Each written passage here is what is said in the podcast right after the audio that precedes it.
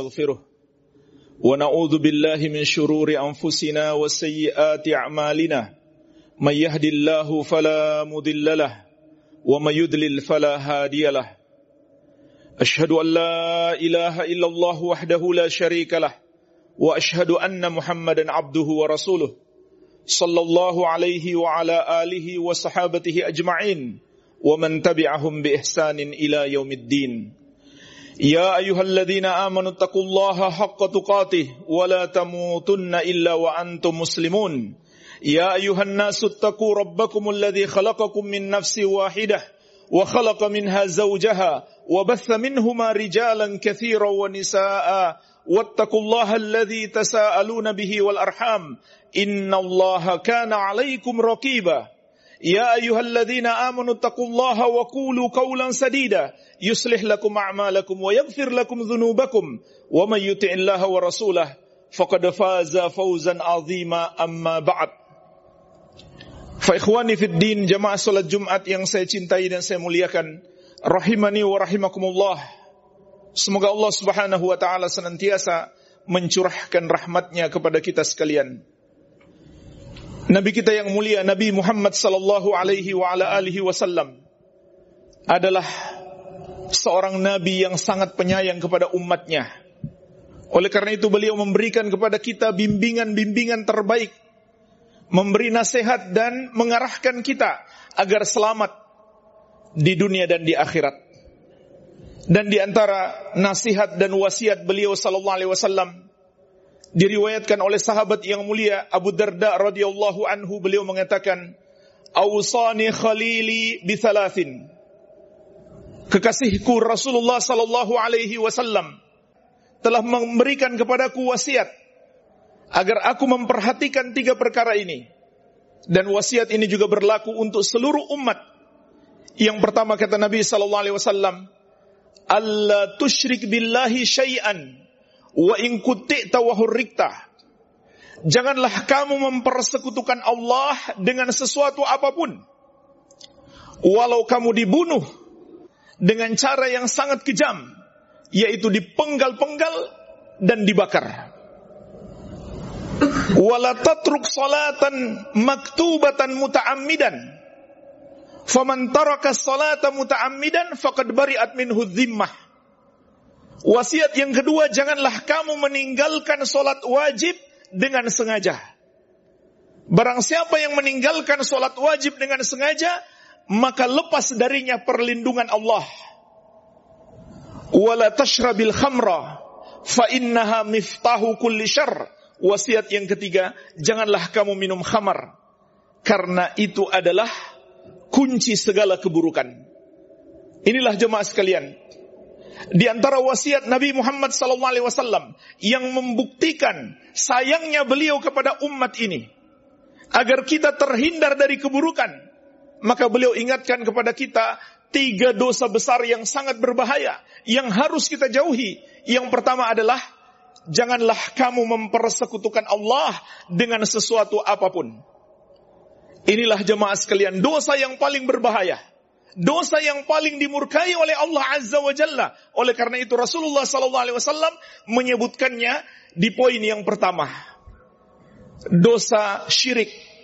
Dosa yang Allah tetapkan apabila seseorang mati menghadap Allah dengan membawa dosa ini tidak ada ampunan baginya. Sebagaimana kata Allah, Inna Allah la yaghfiru ayyushraka bihi wa yaghfiru ma duna dzalika yasha.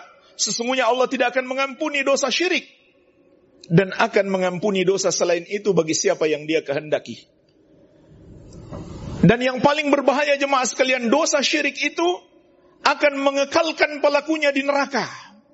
Tidak ada harapan lagi dia untuk masuk ke dalam surga. Sebagaimana firman Allah, Innahu may yushrik billahi faqad harramallahu alaihi al-jannata wa ma'wahu nar wa ma lidh-dhalimin min ansar. Sesungguhnya barang siapa yang mempersekutukan Allah, maka Allah haramkan surga atasnya.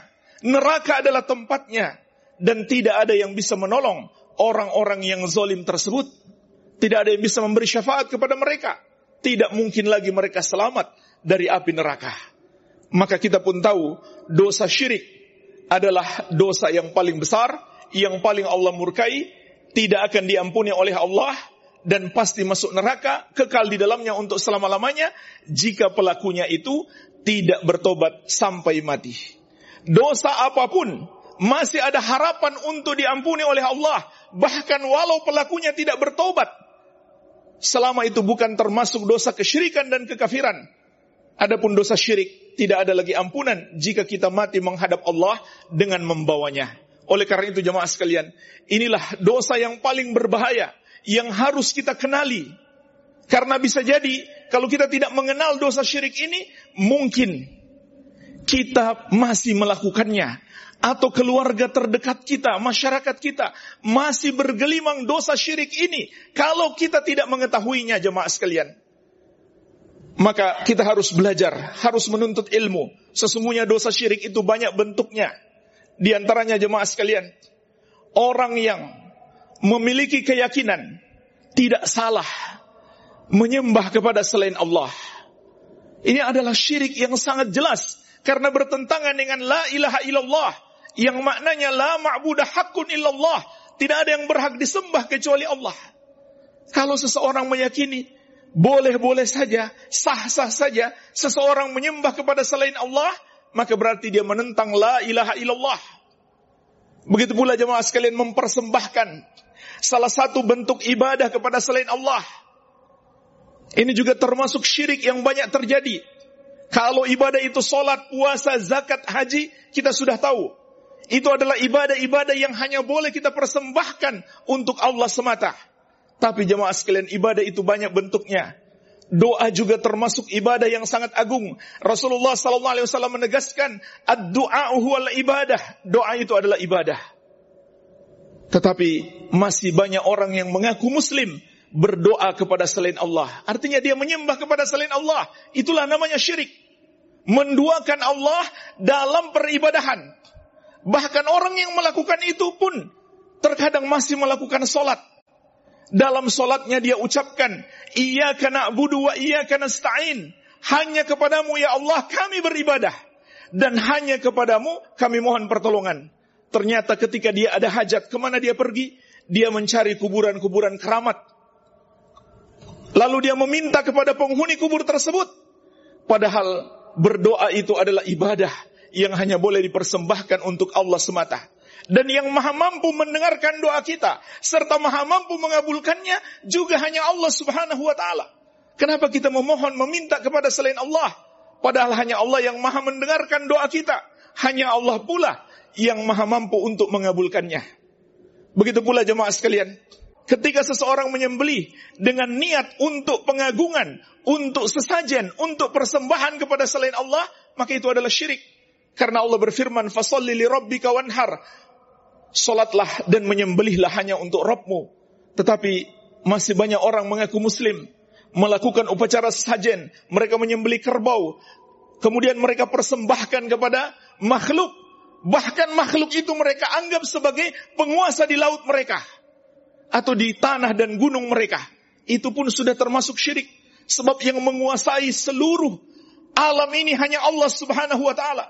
Kalau kita yakini di pantai kita, di gunung kita, di bumi kita ada penguasa selain Allah, itu juga termasuk syirik. Kalau kemudian kita berdoa, bermohon kepadanya, itu syirik yang lain.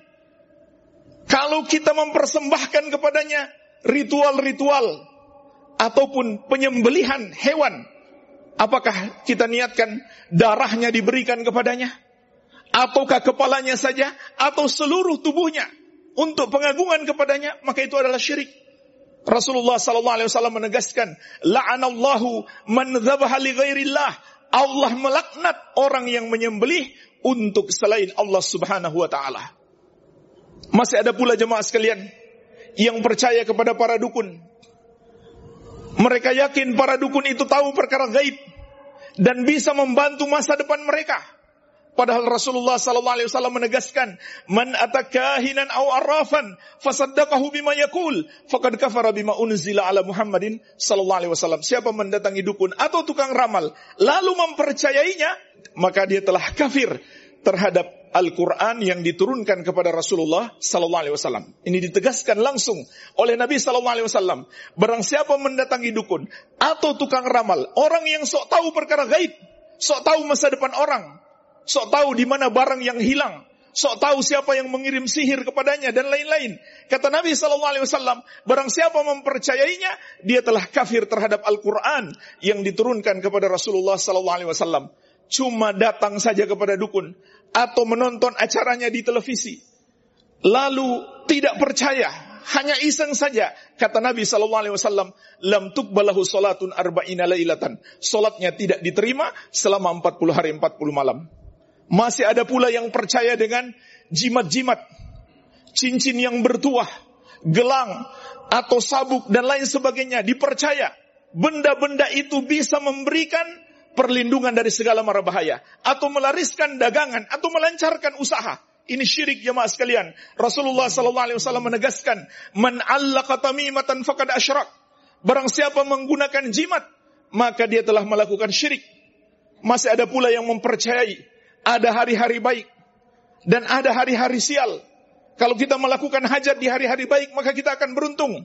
Kalau kita melakukan hajat di hari-hari sial, maka kita akan tertimpa kesialan. Ini termasuk syirik. Termasuk juga yang mempercayai. Rumah itu kalau dibangun harus menghadap ke arah tertentu. Kalau menghadap ke arah yang lain, maka rezekinya akan seret. Jendelanya harus diletakkan di sini, pintunya harus diletakkan di situ. Kalau diletakkan di tempat yang lain, maka akan tertimpa kesialan. Ini semuanya syirik dan bertentangan dengan akal sehat. Rasulullah sallallahu alaihi wasallam menegaskan, atiyaratu syirkun, atiyaratu syirkun.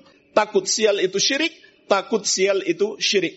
Menraddathu atiyaratu an hajatihi faqad asyrak. Barang siapa dihalangi oleh takut sial untuk melakukan hajat-hajatnya, maka dia telah berbuat syirik. Jemaah sekalian, ini hanya sedikit contoh dari berbagai macam perbuatan syirik yang mungkin masih terjadi di sekitar kita. Harus kita pelajari sehingga kita kenali bahwa itu adalah syirik. Kita pelajari dalam buku-buku tauhid, dalam Al-Quran dan Sunnah Nabi Sallallahu Alaihi Wasallam, sehingga kita tahu bahwa itu adalah syirik untuk kemudian kita tinggalkan. Dan Nabi Sallallahu Alaihi Wasallam berpesan kepada kita dalam hadis ini, wa in Kamu jangan sekali-kali melakukan syirik, meskipun kamu dibunuh dengan cara yang sangat kejam, yaitu dipenggal-penggal ataupun dengan cara dibakar. Kenapa jemaah sekalian?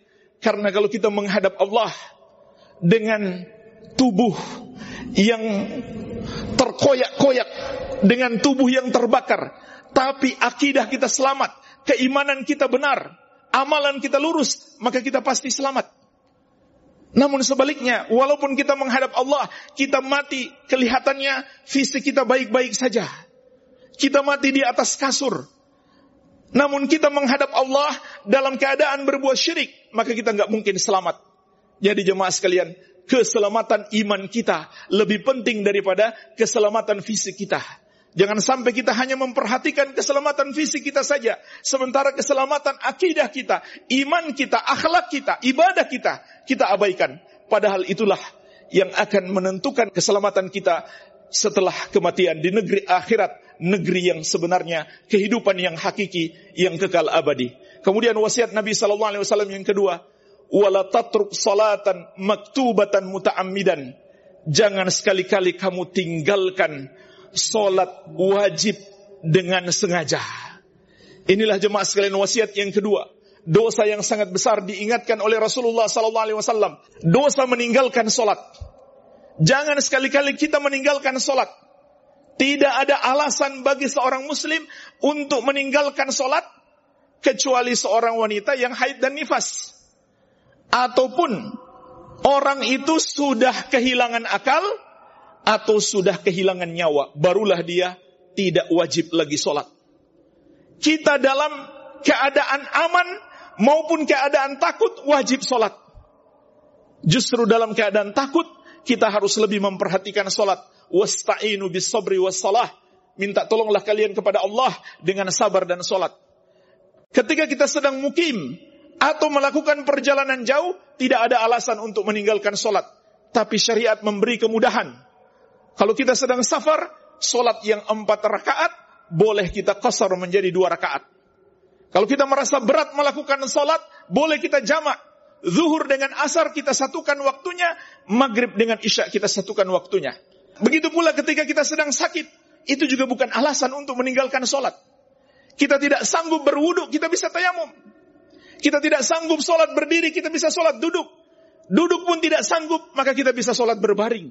Allah memberikan kemudahan-kemudahan karena tidak ada alasan bagi kita untuk meninggalkan sholat. Sebab jamaah sekalian Rasulullah Sallallahu Alaihi Wasallam juga mengingatkan, bainar rajul wa bainas syirki wal kufri tarkus salah. Batas pemisah antara seseorang dengan kekafiran dan kesyirikan adalah meninggalkan solat. Al-ahdul ladzi bainana wa bainahumus salah, faman tarakaha faqad kafar. Kata Nabi sallallahu alaihi wasallam, perjanjian antara kami dengan mereka adalah solat. Siapa meninggalkan solat maka dia kafir. Dan solat adalah amalan pertama yang akan dihisap, diadili di hari kiamat dan menjadi penentu terhadap amalan-amalan yang lain. Sebagaimana kata Nabi sallallahu alaihi wasallam, "Awwalu ma yuhasabu bihil abdu yaumal qiyamah as-salah." Idza saluhat saluha sairu amalihi wa idza fasadat fasada sairu amalihi. Amalan pertama yang akan diadili, dihisap dari seorang hamba itu di hari kiamat kelak adalah solat. Kalau solatnya baik, maka seluruh amalan akan ikut menjadi baik. Tapi kalau sholatnya rusak, maka seluruh amalan akan ikut menjadi rusak. Jadi jemaah sekalian, hendaklah kita jaga baik-baik sholat kita. Agar semua amalan kita kelak di hari kiamat ikut menjadi baik. Apa yang perlu kita lakukan agar sholat kita baik? Yang pertama jemaah sekalian, perhatikan waktu sholat. Jangan kita tunda-tunda sholat tanpa ada uzur. Yang kedua, keikhlasan kita dalam melakukan sholat. Lakukan sholat itu karena Allah, bukan karena ingin dipuji orang. Yang ketiga, cara kita melakukan solat. Lakukan sesuai petunjuk Nabi Muhammad sallallahu alaihi wa alihi wasallam karena beliau berpesan, "Shallu kama raaitumuni usalli." Salatlah kalian sebagaimana kalian lihat aku salat. Kemudian yang keempat, perhatikan kehusyukan dalam salat. Yang kelima bagi laki-laki, salat berjamaah. Lima ini kalau kita perhatikan, kita jaga dengan baik, maka kita akan datang menghadap Allah dengan amalan yang akan menjadikan baik semua amalan kita yang lain. Wabillahi taufik. Alhamdulillah. Wassalatu wassalamu ala rasulillah. Wa ala alihi wa sahbihi wa man walah. Wa la hawla wa la quwata illa billahi amma ba'd. Wasiat Nabi Muhammad sallallahu alaihi wasallam yang ketiga dalam hadis ini adalah wala tashrabil khamra. Jangan kamu minum khamar fa innaha miftahu kulli syarr karena sesungguhnya khamar itu adalah kunci segala keburukan. Inilah jemaah sekalian, di antara bentuk kasih sayang Nabi sallallahu alaihi wasallam kepada kita. Beliau ingatkan kita bahaya khamar. Jangan sekali-kali kita minum khamar, yaitu minuman yang memabukkan dan setiap yang banyaknya memabukkan sedikitnya pun haram. Maka hendaklah kita jauhi, kita hindari dan bahkan Allah Azza wa Jalla telah mengingatkan dalam Al-Quran Ya ayyuhalladzina amanu innamal khamru wal maisiru wal ansabu wal azlamu rijsum min amal syaitani fajtanibuhu la'allakum tuflihun Wahai orang-orang yang beriman, perhatikanlah jemaah sekalian. Allah panggil kita dengan panggilan keimanan. Yang masih merasa orang yang beriman, perhatikanlah baik-baik ayat yang mulia ini. Kata Allah, sesungguhnya khamar, judi, berkorban untuk berhala, dan mengundi nasib dengan anak panah adalah kotoran yang termasuk amalan setan. Maka jauhilah agar kalian beruntung. Maka ini kunci keberuntungan kita. Menjauhi apa yang Allah haramkan. Menjauhi perbuatan-perbuatan setan. Innama yuridu syaitanu an yuki bainakumul adawata wal bagda fil khamri wal maisir. Sesungguhnya kata Allah, setan menginginkan untuk memunculkan permusuhan dan kebencian di antara kalian di dalam khamar dan judi itu. Allah ingatkan kita di antara sebab terjadinya permusuhan dan kebencian di antara manusia yang dimunculkan oleh setan adalah khamar dan judi wa yasuddakum an dzikrillahi wa anis salati fahal antum muntahun setan juga menginginkan pada khamar dan judi itu untuk menghalangi kalian berzikir kepada Allah dan melakukan salat maka hendaklah kalian berhenti Jadi jemaah sekalian, ini peringatan dari Allah Azza wa Jalla. Betapa dahsyatnya keburukan yang terkandung di dalam khamar itu. Walaupun mungkin ada orang mengatakan di dalamnya kan juga ada manfaat. Maka Allah juga mengingatkan. Kul fihima ismun kabirun wa manafi'u linnas. Wa ismuhuma akbaru min naf'ihima. Katakan. Di dalam khamar dan judi itu ada dosa dan ada juga manfaat-manfaat bagi manusia. Tetapi kata Allah, dosanya lebih besar daripada manfaatnya. Jadi jangan sampai kita dapat manfaat sedikit, tapi tertimpa dosa dan berbagai macam keburukan di dunia dan di akhirat kelak. Dan Nabi Shallallahu Alaihi Wasallam ingatkan jemaah sekalian, ketika kita minum khamar, maka terbuka di hadapan kita berbagai macam keburukan yang lain. Karena khamar itu adalah kunci segala keburukan.